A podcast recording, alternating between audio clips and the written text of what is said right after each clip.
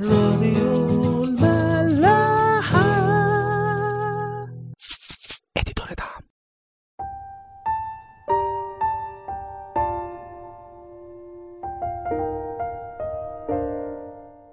أهلا بيكم في حلقة جديدة من عيش وملح. مكملين مع بعض في مملكة إسرائيل واللي اتطورت عبادتها الغريبة واللي اخترعها يربعام لعبادة البعل صراحة. وده كان وثن معروف في الوقت ده في عهد أخاب الملك. كنا ابتدينا قصة أخاب آخر مرة وشفنا إزاي إن هو ابتدى ملكه بتحدي صريح لربنا. فاتجوز إيزابيل بنت ملك السيدونيين واللي كان في نفس الوقت كاهن للبعل وبنته ما كانتش فارقة عنه كتير فبالتالي أخاب عمل مذبح للبعل في السامرة وسجد للبعل وبقى البعل هو الإله الرسمي للمملكة. وده كان يعني تطور طبيعي للعبادة الغريبة اللي من براها لربنا ومن جواها ممارسات ملاش أي علاقة بربنا. وعلى هامش بقى كل ده كمان شفنا إزاي إنه في عهد اخاب اتبنت أو اتعاد بنى مدينة أريحة اللي كان دمرها شعب إسرائيل في عهد يشوع وكان ساعتها يشوع لعن أي حد هيبنيها تاني عشان كان عايزه تفضل أنقاض فيبان نصرة ولاد ربنا على أسوار الشيطان في الأنقاض دي. بس طبعا كل ده اختفى في عهد اخاب ما بقالوش قيمة والتحدي وصل لقمته. يا ترى ربنا هيعمل إيه بقى مع كل اللي بيحصل ده؟ خلونا نشوف.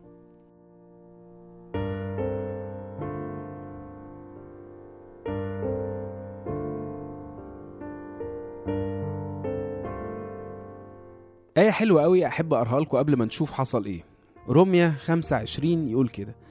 ولكن حيث كثرت الخطية ازدادت النعمة جدا. يعني إيه بقى الكلام الغريب ده؟ يعني في المكان اللي تزيد فيه الخطية ربنا برضو يبعت نعمة على قد الخطية دي عشان تحاربها. وعشان أي حد عايز يتخلص من الخطية يلاقي حاجة يمسك فيها وأي حاجة تحرره من الخطية دي. عشان إحنا كتير قوي بنفتكر إنه في أماكن من كتر الخطية فيها فخلاص كده ما فيهاش أمل. ربنا سابها. أو زي ما بيقولوا بالإنجليزي God forsaken country أو God forsaken land. طبعا مفيش حاجة اسمها كده. ولو حصلت بتحصل نادرا جدا وما بتحصلش برضو عشان ربنا سابها إنما عشان كل الناس اللي فيها رفضت ربنا. زي ما كان حاصل وقت سدوم وعمورة وحتى ساعتها ربنا كان باصص على كل واحد وعلى قلبه عشان يتأكد إن المدينة ما فيهاش ولا واحد عايز ربنا فيها. فاللي عايزين نقوله إن مهما كانت بالنسبة لنا في أي حتة الدنيا بايظة وما فيهاش أمل لا لازم نفتكر إن رحمة ربنا ونعمته فوق كل ده بكتير. وقصاد الخطية اللي إحنا شايفينها كبيرة قوي دي هو يقدر يبعت نعمة أكبر منها بكتير قوي عشان تحاربها. وده اللي عمله ربنا مع مملكة إسرائيل في أقصى مراحل الخطية والتحدي ليه. بيبعت لهم نبي من أقوى الأنبياء في العهد القديم. واحد من اتنين بس في الكتاب كله ما ماتوش إنما اتخطفوا للسماء واحد من اتنين بس ظهروا مع المسيح في التجلي. النبي العظيم ده طبعا هو إيليا النبي. والاتنين اللي اتخطفوا للسماء هم أخنوخ وإيليا والاتنين اللي ظهروا مع المسيح في التجلي كانوا موسى وبرضه إيليا النبي. فممكن نقول على وزن الآية اللي قريناها دي إنه حيث كثرت الخطية في إسرائيل ربنا بعت إيليا. خلونا نفتح مع بعض الإصحاح ال 17 من سفر ملوك أول ونشوف هيحصل إيه. وقال إيليا التشبي من مستوطني جلعاد لأخاب التشبي دي في ناس بتقول إنها بتتبع مدينة معينة اسمها تشبة بس التفسير الأرجح إنها يعني غريب غريبة عن المنطقة دي. قال إيه بقى إيليا؟ حي هو الرب إله إسرائيل الذي وقفت أمامه أنه لا يكون طل ولا مطر في هذه السنين إلا عند قولي. وش كده؟ ودي كانت أول حاجة نسمعها عن إيليا. ربنا لما يلاقي ولاده مرحرحين في الخطية بيبقى لازم يهزهم هزة جامدة عشان يفوقوا ويستوعبوا هما فين منه وإن هما محتاجين يغيروا أسلوب حياتهم بالكامل. خلونا نتخيل كده كأننا راكبين عربية وماشيين في طريق معين وبعدين رحنا واخدين يوتيرن وراجعين في الاتجاه المعاكس تماما. والطريق ده رايح للهلاك رايح في داهية. آه ربنا مش هيقدر يخلينا نلف بالعربية بس ممكن يعطلها لنا شوية عشان ناخد بالنا من الطريق اللي إحنا ماشيين فيه ده ومين اللي إحنا فعلا رايحين له وماشيين وراه. وعشان كده إيليا بيقول لأخاب اللي هو تحدى ربنا بعبادته للبعل بيقول له تحدي تاني إنه حي هو الرب أو يعني الكلام اللي جاي ده من ربنا الحي غير الآلهة الصماء اللي أنتوا بتعبدوها إنه مش هيكون في مطر لحد ما أنا أقول. طبعا أنا دي عايدة على ربنا أو على إيليا اللي هيقول كلام ربنا مش فارقة. الكلام ده ممكن ناخد بالنا من حاجة تانية برضه. كتير قوي بننسب حاجات في حياتنا لحد تاني أو حاجة تانية غير ربنا. يمكن من بره نقول آه ده ربنا يعني هو اللي وفقنا أو هو اللي عمل أو هو اللي سوى إنما في الآخر من جوانا لا بننسب الخير اللي في حياتنا ده أو المواقف اللي إحنا توفقنا فيها لحاجات تانية حوالينا حتى لو لنفسنا. فيوم ربنا موقف بقى كل حاجة عشان نقتنع إن إحنا فعلا ماشيين غلط ومعتمدين على آلهة تانية غيره. وده اللي هيحصل وهنشوفه بعد كده في قصة إيليا وأخاب. وعلى فكرة حتى الكلام اللي إيليا عمله ده ما كانش مفاجأة من ربنا. لا هو كان محذر شعب إسرائيل منه من زمان قوي. هنلاقي ربنا قايل كده في تثنية 11 أعداد 16 و17 يقول كده فاحترزوا من أن تنغوي قلوبكم فتزيغوا وتعبدوا آلهة أخرى وتسجدوا لها. فيحمى غضب الرب عليكم. برضو عشان نفضل دايما فاكرين إن الغضب ده مش مننا إنما علينا على أحوالنا. وأي حاجة ربنا بيعملها معانا ايا كان المسمى بتاعها فهو مش رد فعل لزعله إنما هو فعل لخلاصنا.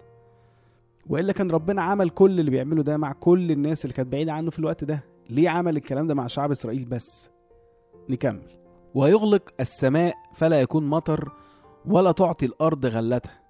فتبيدون سريعا عن الأرض الجيدة التي يعطيكم الرب. وحته تانية كتير بقى ربنا بيقول فيها نفس الكلام ده بس طبعا محدش فاكر أي حاجة من كل الكلام ده لأنهم بعدوا جدا عن ربنا فربنا بيفكرهم بيه بطريقة عملية. وده الحقيقة المعنى الصريح والمباشر لكلام ربنا في هوشع 4 6 الآية المعروفة قوي قد هلك شعبي من عدم المعرفة. عشان كده لما تلاقي الدنيا فجأة بقت بايظة واقفة ابتدي راجع حياتك. وقارنها بقى بكلام ربنا اللي انت غالبا ناسيه. وساعتها هتفهم المشكلة جاية منين. راديو الملاحة. لو نفتكر كده زمان قوي حصل نفس الجفاف ده بس على إبراهيم وسارة. بس ساعتها إبراهيم ما رجعش ربنا وراح من دماغه نزل مصر. وبسبب الموضوع ده وقع في مشاكل كتير قوي. يا ترى ايليا هيعمل إيه بقى في وسط الجفاف ده؟ خلونا نكمل ونشوف ونقرأ أعداد اتنين لستة وكان كلام الرب له قائلا لإيليا يعني انطلق من هنا واتجه نحو المشرق واختبئ عند نهر كريث الذي هو مقابل الأردن. اختبئ هنا مش عشان هو خايف عليه إنما عشان مش عايز يخش في مواجهات دلوقتي مع أخاب أو مع شعب مملكة إسرائيل. لحد وقت معين. وبعدين يقول له إيه بقى؟ فتشرب من النهر اللي هو كريث ده وقد أمرت الغربان أن تعولك هناك. فانطلق وعمل حسب كلام الرب وذهب فأقام عند نهر كريث الذي هو مقابل الأردن وكانت الغربان تأتي إليه بخبز ولحم صباحا وبخبز ولحم مساء وكان يشرب من النهر. في وسط كل ده ربنا بيلاقي طريقة خاصة للراجل بتاعه عشان يعيش. ومش أي عيشة ده آخر دلع. بيبعته في حتة فيها مية وواضح إنها كانت من منابع نهر الأردن وفي حتة مش معروفة بس ربنا اللي دله عليها. وأما الأكل بقى فبيخلي الغربان هي اللي تأكله. ومش أي أكل لا عيش ولحمة صبح وبالليل. معلومة كمان سريعة عن الغربان يعني إنها مخلوقات أصلا نادلة بطبيعتها حتى مع عيالها لدرجة إنها يعني بتأكلها فترة صغيرة وبعدين بتبيعها بعد كده. هنلاقي الكتاب نفسه بيقول كده في مزمور 147 عدد 9 المعطي للبهائم طعامها لفراخ الغربانة التي تصرخ يعني الكتاب بيذكر بالذات فراخ الغربان أو الغربان الصغيرة اللي بتصرخ وهي جعانة وربنا بياخد باله منها. غير كل ده بقى هي أصلا الغربان كانت من المخلوقات الناجسة لليهود. بس ربنا هنا بيعلمنا حاجة مهمة قوي أو هما حاجتين الحقيقة. أول حاجة إن هو بنفسه اللي بيبعت احتياجاتنا المادية أو النفسية أو حتى العاطفية. أيا كان عن طريق إيه أو مين. كل دي وسائل مش أكتر. إنما حتى لو حصل في وقت إن كل الناس بعتنا أو راحت أو اختفت لأي سبب مش مهم. ربنا برضه هيعرف يبعت لنا اللي كان بيبعته قبل كده ده من خلال حاجات تانية وهيعتني بينا ويمكن أحسن من الأول كمان. ما أظنش يعني إيليا في الطبيعي كان بياكل لحمة صبح وبالليل إنما في الوقت اللي كل مملكة إسرائيل فيه جعانة ومش لاقي عيش ناشف حتى تاكله ربنا كان بيبعت لإيليا عيش ولحمة صبح وبالليل.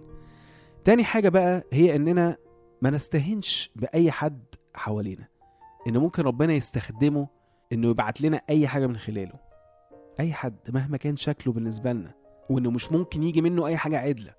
لا ممكن قوي يكون ده الوسيلة اللي ربنا يستخدمها سواء بقى لشبعنا أو شفائنا أو حتى لتفويقنا. في قضاة 14 14 فالزوره قالها شمشون بس هي كان جواها درس لينا كلنا. يقول كده من الآكل خرج أكل ومن الجافي خرجت حلاوة. مهما كان الجفاف اللي حواليك اطمن وعلى الآخر. أنت في إيد أمينة وربنا هيفضل يبعت لك اللي أنت محتاجه وأكتر كمان. نشوفكم الحلقة الجاية. راديو ملاح. دي دنيا تا